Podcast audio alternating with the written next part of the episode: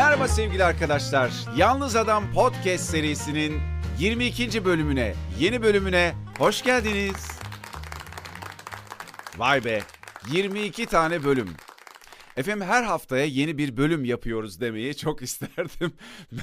ben de isterdim ki yoğun yoğun bölümler yapayım ama ve lakin karakter ve yapı itibarıyla denemekten, deneyip bakmaktan, biraz ara verip yeniden denemekten, denediğim şeyleri yeniden denemekten hoşlanan bir yapıya sahip olduğum için bu podcast serisinde bir türlü istikrarı tutturamadım. Yaklaşık şimdi bugün düşünüyorum e, bu podcast'te bir yeni bölüme başlamadan önce düşündüm dedim ki ya ben dedim buna iki sene önce başlamışım. İki yıl önce pandeminin ilk zamanlarında ben ilk podcast'imi yap, yapıp da yayınlamıştım. Yalnız Adam podcast'ini. O zamanlar böyle radyoyu çok özlediğim bir dönemdi. Yani genel olarak yine özlüyorum tabii ki radyoyu ama e, o zaman dedim ki yani podcast diye bir şey var. Hani podcast mi yapsam acaba? Oraya mı girsem? Nasıl yapabilirim? Ne olabilir gibi düşünürken işte o zaman da tabii çok yeni bunlar.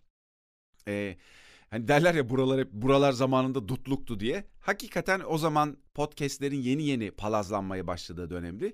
Ben de profesyonel bir radyo programcısı olarak yani hevesli arkadaşlarımızın podcast yaptığı bir platformda olmayı çok böyle kendime başta yediremedim. Dedim ya benim oralarda ne işim var ama özledikçe özledikçe ben de sesimi bir yerlerden duyurmak istiyorum artık yeter diye bağırınca efendim söyleyeyim o gece bir ampul yandı bir fikir geldi. Aa podcast neden olmasın diye podcast serisine başladım.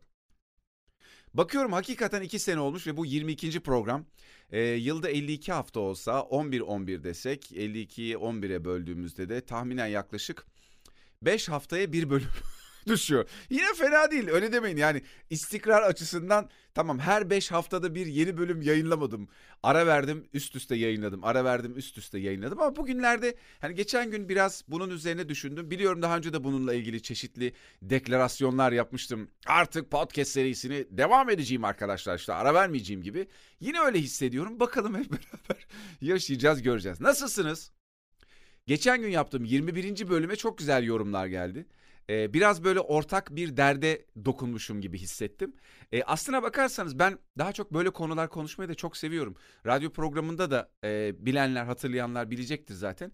Böyle çok ha ha ha hi, hi, geyik değil de hayatımıza, bize yönelik şeyleri konuşmayı çok seviyorum yaşamın kendisiyle alakalı sohbetler yapmayı e, ve hayatımda genel olarak böyle e, geçiyor.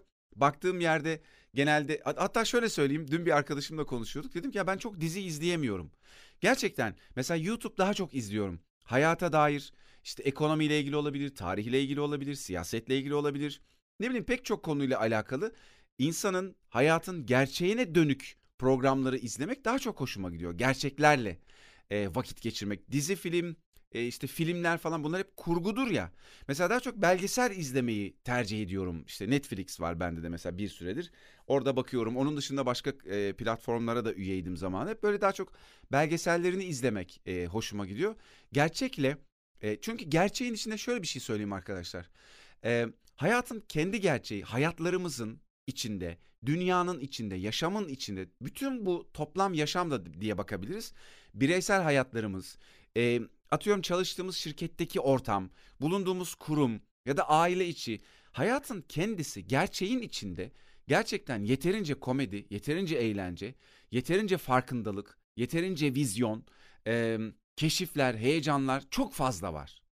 Yani biz mesela hep denir ya işte günün yorgunluğunu atmak için işte akşam eve gelince ya beynimi boşaltmak istiyorum. Böyle boş boş program işte dizi açıyorum. Öyle boş boş kafamı da yormak istemiyorum falan gibi. Böyle bir e, hep bu şekilde bir yorum olmuştur yıllardır. Yani dizi izlemek, film izlemek biraz böyle kafayı boşaltmak, akünün suyunu boşaltmak işine yarıyormuş gibi. Halbuki aslında bizim yaptığımız şey biraz hayatın gerçeğinden kaçmak.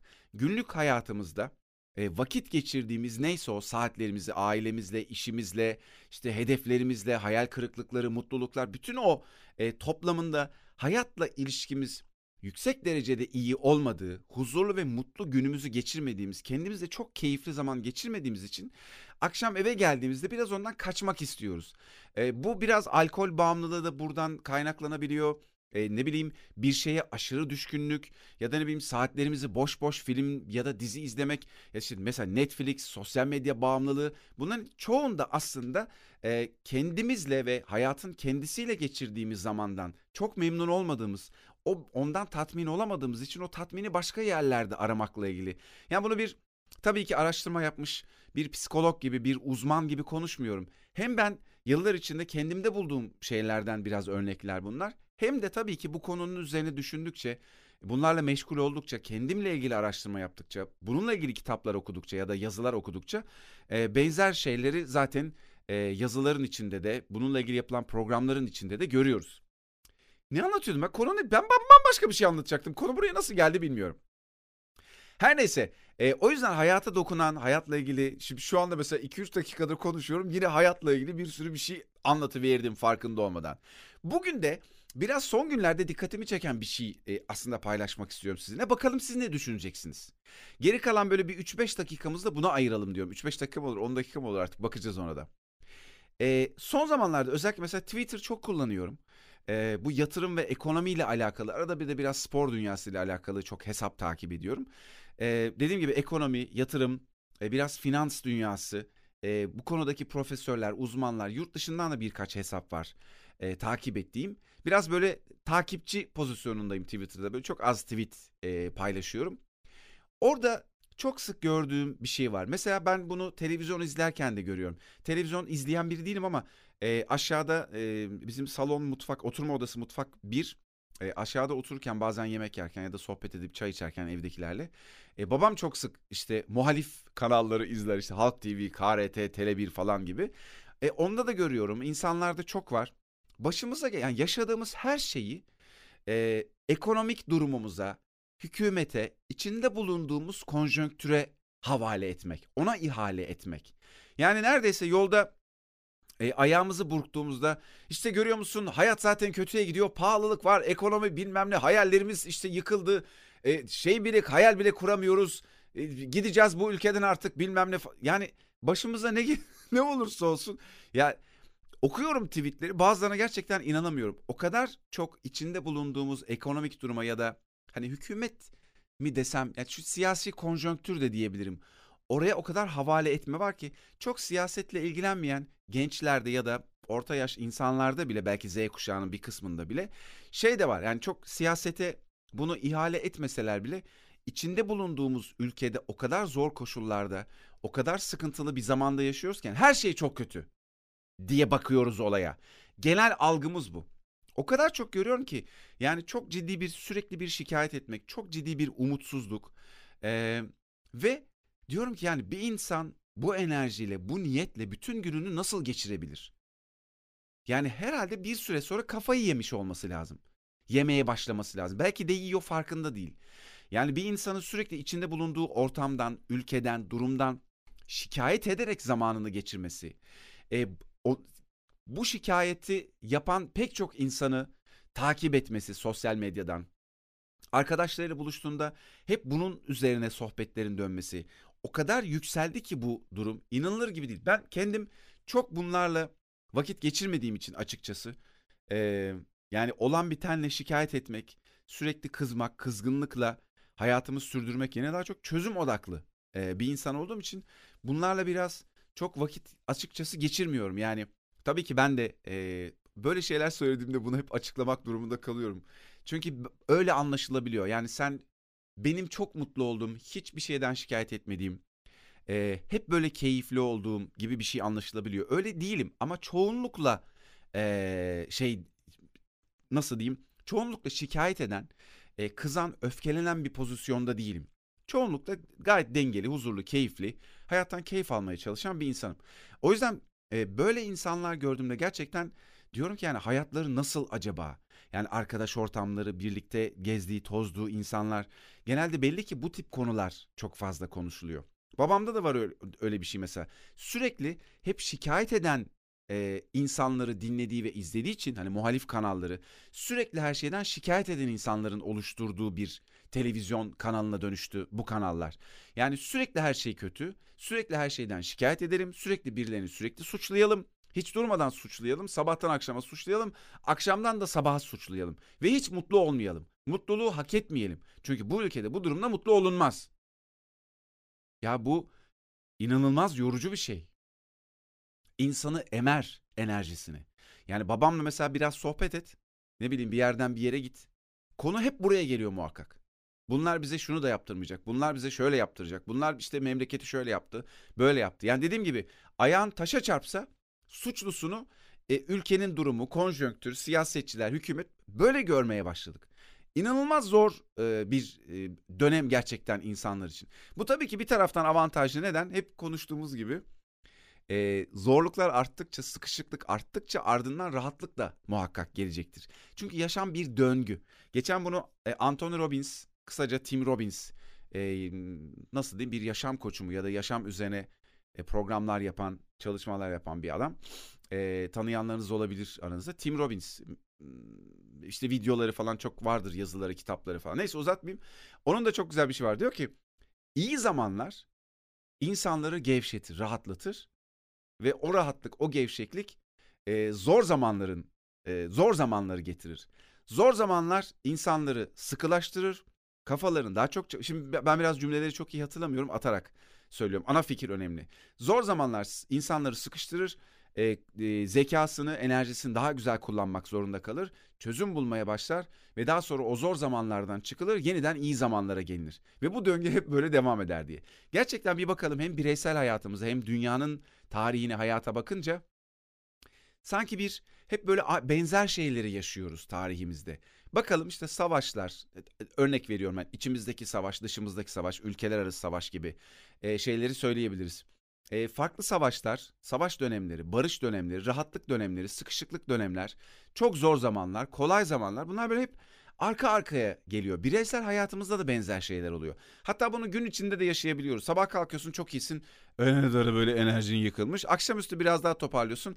Akşam böyle yine böyle bir orta şekerli. Gece yatmadan oh diyorsun güzel bir şekilde uyuyayım bari. Sabah kalkıyorsun Nemrut. Yani böyle sürekli bir döngü var gün içinde. Moral iyi kötü, iyi kötü, kötü iyi değişiyor yani. Biraz da bizimki de bunun gibi. Ee, o, o sebeple de sıkışık zamanlar neyden çok şikayet ediyorsak, çok dillendiriyorsak, artık dayanılmaz bir noktaya geliyorsa bu aslında bir dönüşümün de kapısında olduğumuzun habercisi oluyor. Tabii şu da var. Biz bundan keyif alarak da yapıyoruz. Yani şikayet etmek bir alışkanlığa da dönüşebiliyor. Yani ekonomik olarak bakıyorsun mesela bir insana aslında sıkışık bir durumda değil. Gayet keyifli, rahat ve içinde bulunduğu durum ne olursa olsun ekonomik olarak kendini idare edebiliyor. Doğru atılımlar yapabiliyor, işini doğru götürüyor falan ama şikayet etmekten hoşlanıyor. Tarzı bu, tavrı bu, yaşam şekli bu. Hep şikayet etmek, hep bir şeyleri suçlamak. İşte şöyle böyle. Ama bakıyorsun hayatına, realde öyle bir sıkışık ve kötü bir durumu yok. Bir de böyle bu tipte e, insanlar var. Yani daha doğrusu daha doğrusu şöyle diyeyim. Bu tipte insanlar demek çok doğru olmadı. İçimizde böyle bir taraf da var. Bu şekilde yaşayan. E, o yüzden e, yani şey gibi bu. Yani haberler bir başlıyor bazen işte dediğim gibi o kanallarda haber bir başlıyor. Ee, ana fikir şu yani ilk cümle. Evet sevgili seyirciler bugün de e, çok zor bir gün geçirdik. Cehennemden son haberleri sizlerle paylaşmak istiyoruz gibi. Ya diyorum ki bir insan bütün gün böyle yaşayabilir mi ya? Yani dediğim gibi ayağın taşa çarpsa bir şeylerden e, biliyorsun. Şimdi geçen gün Genç İşsizler platformuna denk geldim Twitter'da ve takip etmek istedim. Çünkü Genç İşsizler platformu işte son zamanlarda öğrencilerin yurt bulamıyoruz isyanları, ev bulamıyoruz, şöyle oluyor, böyle oluyor falan filanlarını çok görüyorum. Siz de muhakkak denk geliyorsunuzdur. E, hatta bunun üzerine işte iş bulmak, e, kimse liyakatine göre, yeteneğine göre işe alınmıyor, tanıdığın yoksa işte bilmem ne olmuyor. Hep böyle bir çok ciddi bir şikayet dalgası var bu konuyla alakalı. Bu bir taraftan güzel. Neden güzel? Çünkü ülkenin içinde bulunduğu durumun, içinde bulunduğu düzeni yüksek sesle e, konuşulmasına yol açıyor ve bu bu düzeni bu düzeni böyle oluşturan ve bundan nemalanan insanların da bir kendilerine gelmelerine bir dakika biz de galiba çok mu abarttık demelerine yol açıyor bir yandan. Ama bir taraftan da şöyle bir şey var. Çözüm üretmek ve kendi içime mesela ben bir öğrenciyim. Bir grupla birlikte hareket edebilirim. Yurt konusunda mesela ayaklandık. Yurtta yemek yok bilmem ne. Şöyle zor koşullar böyle koşullar değişsin diye bir ayaklanmaya da katılabilirim ya da bireysel olarak bunun çözümünü arayabilirim. Ne gibi? şu soruyu sorabilirim. Benim içinde bulunduğum şartlarda zor olan kısımları ben nasıl kolay hale getirebilirim? Bu karşılaştığımız herhangi bir problemi çözmek üzere sorulan bir soru aslında. Yani duygusal olarak bir yerlere kapılmadığımda ben yani grupla hareket edelim. Bu insanlar artık işte bizim sesimizi duysun, farkımıza varsın. E, bu sessizliği sonlandıralım. Burada artık insan gibi yaşamak istiyoruz gibi bir noktaya da gidebilirim. Bu da bir seçim. Ya da dönebilirim kendime. Ya bu da bir çözüm şekli. Yani grupla hareket etmek de bir çözmeye götürüyor aslında insanı. Orada yaptığımız şey içinde bulunduğumuz koşulların düzelmesi için bir adım atmak. Yüzlerce, binlerce kişiyle, bir yol ve bir yöntemle. Ya da şunu da yapabilir insan. Kendine dönüp de bir dakika ben birey olarak, Onur olarak, Ayşe olarak, Ahmet olarak neyse ben bu durumda kendim için ne yapabilirim? Ben açıkçası çoğunlukla bunu tercih ediyorum. Kendim ne yapabilirim? Ben bunu nasıl çözebilirim? Birincisi buna inandığım için çözebilirim. Her şeyin bir çözüm yolu olduğuna inanıyorum. Bir problem varsa onun içinde çözüm de vardır. Hatırlayın aramızda öğrenciler de olabilir tabii ki. Bir matematik problemiyle karşılaştığımızda, bir Türkçe paragrafıyla karşılaştığımızda soru cevap düzeltiyorum. Cevap o sorunun içinde gizli aynı zamanda. Oradan yola çıkarak çözüyoruz. O yüzden problemlerin içinde çözümler de var. Çözmek istediğimizde çözebiliriz. Yani ben tek başıma çözemiyorum. Grupla hareket ederek çözeyim bir seçenek ama dönüp de bunu aslında çözebileceğimi de hatırlamalıyım. Birincisi dediğim gibi problemlerin çözüleceğine inanıyorum. Çözülüyor zaten. Yani işin kısmı bu. Yani e, bunlar beraber çalışır. Soğuk sıcak, güzel çirkin, uzun kısa. Değil mi? İkilik, dualite. Bunlar birlikte çalışıyorlar. Biri varsa diğeri var. Sorun varsa çözüm de var. Çözüm varsa bir sorun da var demektir. Yani e, benim tercihim daha çok bunu tek başıma çözmek. Yani sürekli şikayet etmek, Twitter'a yazmak, sosyal medyaya yazmak, sağda solda konuşmak aslında bunun sürekli muhabbetini yapmaya götürüyor bizi. Bizi çözmeye götüren bir durum değil. O yüzden de diyorum ki insan bütün gün bunları konuştuğunda, bütün gün bunlarla vakit geçirdiğinde ne kadar psikolojik olarak sağlıklı olabilir? Çünkü devamlı bunları düşünüyorsun. Devamlı ne kadar kötü bir ortamda olduğunu düşünüyor. Bu senin enerjini düşünür, düşürür, vizyonunu düşürür, hayallerini düşürür yaşam isteğini, arzunu düşürür. E, ve bu bence bir insanın kendine yapabileceği en büyük kötülük. O yüzden sevgili dostlar, e, son günlerde gördüğüm bu hal dediğim gibi iki taraflı bakıyorum ben. Birincisi e, bu bizi bir yere götürüyor aslında çözüm bulmak konusunda. İkincisi de çözüm bulmakla ilgili benim yaptığım ve daha çok tercih ettiğim şey bireysel olarak dönüp ben bunu nasıl çözebilirim diye sormak. Çünkü arkadaşlar hayatımızdaki her problemi benzer problemleri yaşayan insanlarla el ele vererek çözemeyiz. Kız arkadaşımla bir sorun yaşıyorum değil mi? Şimdi kız arkadaşıyla sorun yaşayan erkekler platformuyla el ele vererek birlikte bu sorunu nasıl çözebiliriz diye de bir sorun çözme yöntemi olabilir ama yani her konuyla ilgili bir platform bulmak, bir kalabalık bulmak kolay değil. Aslında güzel fikirmiş. bir 10-15 tane erkek mesela işte atıyorum ben e, Akyazı gibi bir ilçedeyim. Ee, mesela oradaki erkekler olarak benim belki yaş grubum olabilir, belki benden küçük veya büyük. Ee, erkekler olarak bulup buluşup mesela kadınlarla ilgili yaşadığımız soruları konuşabiliriz. Şey gibi hani e, hep Amerikan filmlerinde görürüz ya alkol e, problemi yaşayan insanların işte bir sandalyeye oturup 10-15 kişi birlikte bununla ilgili deneyimlerini anlatmaları, işte çözüm önerileri paylaşmaları vesaire bir moderatör oradaki bir uzman eşliğinde aslında bunlar ferah fikirler değil. Neden olmasın yani? Birlikte kadınlarla ilgili yaşadığımız problemleri konuşarak belki de doğru yollar, doğru çözümler, daha mutlu ilişkilerde gidilebilir. Her neyse bu güzel bir vizyon bu arada bence güzel olmuş. Ama dediğim gibi her konuyla ilgili böyle hürra grup halinde çözüm bulmaya bulamıyoruz kendimiz çözüyoruz. Yani dolmuşçuyla tartıştın. Abi işte ne bileyim para üstünü vermedin. Verdim yolum. Vermedin abi bilmem ne. Ya buna takıldın. İşte hemen dolmuşçularla şey oradaki koltuk şey oturan yolcularla bir araya gelip de hep beraber şu dolmuşçuyla ilgili olan problemlerimizi çözelim diyemediğimiz için aslında hep çözümlerde biz kendimizleyiz. O yüzden ben çözüm üretmek konusunda deneyim ve tecrübe edinmek ve bunu kendi içimde çözmeye çalışmak bana daha doğru ve her zaman da uygulanabilir bir fikir gibi geliyor sevgili dostlar. Bir önceki bölümde biraz kendimizle ilgili konuşmak ve onun üzerine gelen yorumlarla alakalı E, dedim ki bu bölümde de buna benzer, e, bununla ilgili acaba ne yapabiliriz, ne konuşabiliriz podcast'te? Böyle bir şey aklıma geldi. E, bunu da sizlerle paylaşmak istedim. E, ve sanıyorum bölümünde bölümünde sonuna gelmiş bulunuyoruz. E, ve özet olarak şunu da söyleyeyim. E, aslında anlattığımı düşünüyorum ama bir bazen çok oradan oraya oradan oraya da konuşabilen bir insan olduğum için her çözüm çok kıymetlidir. İşin özü aslında. Bizi çözüme götürüyor mu götürmüyor mu arada bir buna bakmak lazım. Ortada bir problem olduğunda e, buna bir reaksiyon gösteriyoruz biz.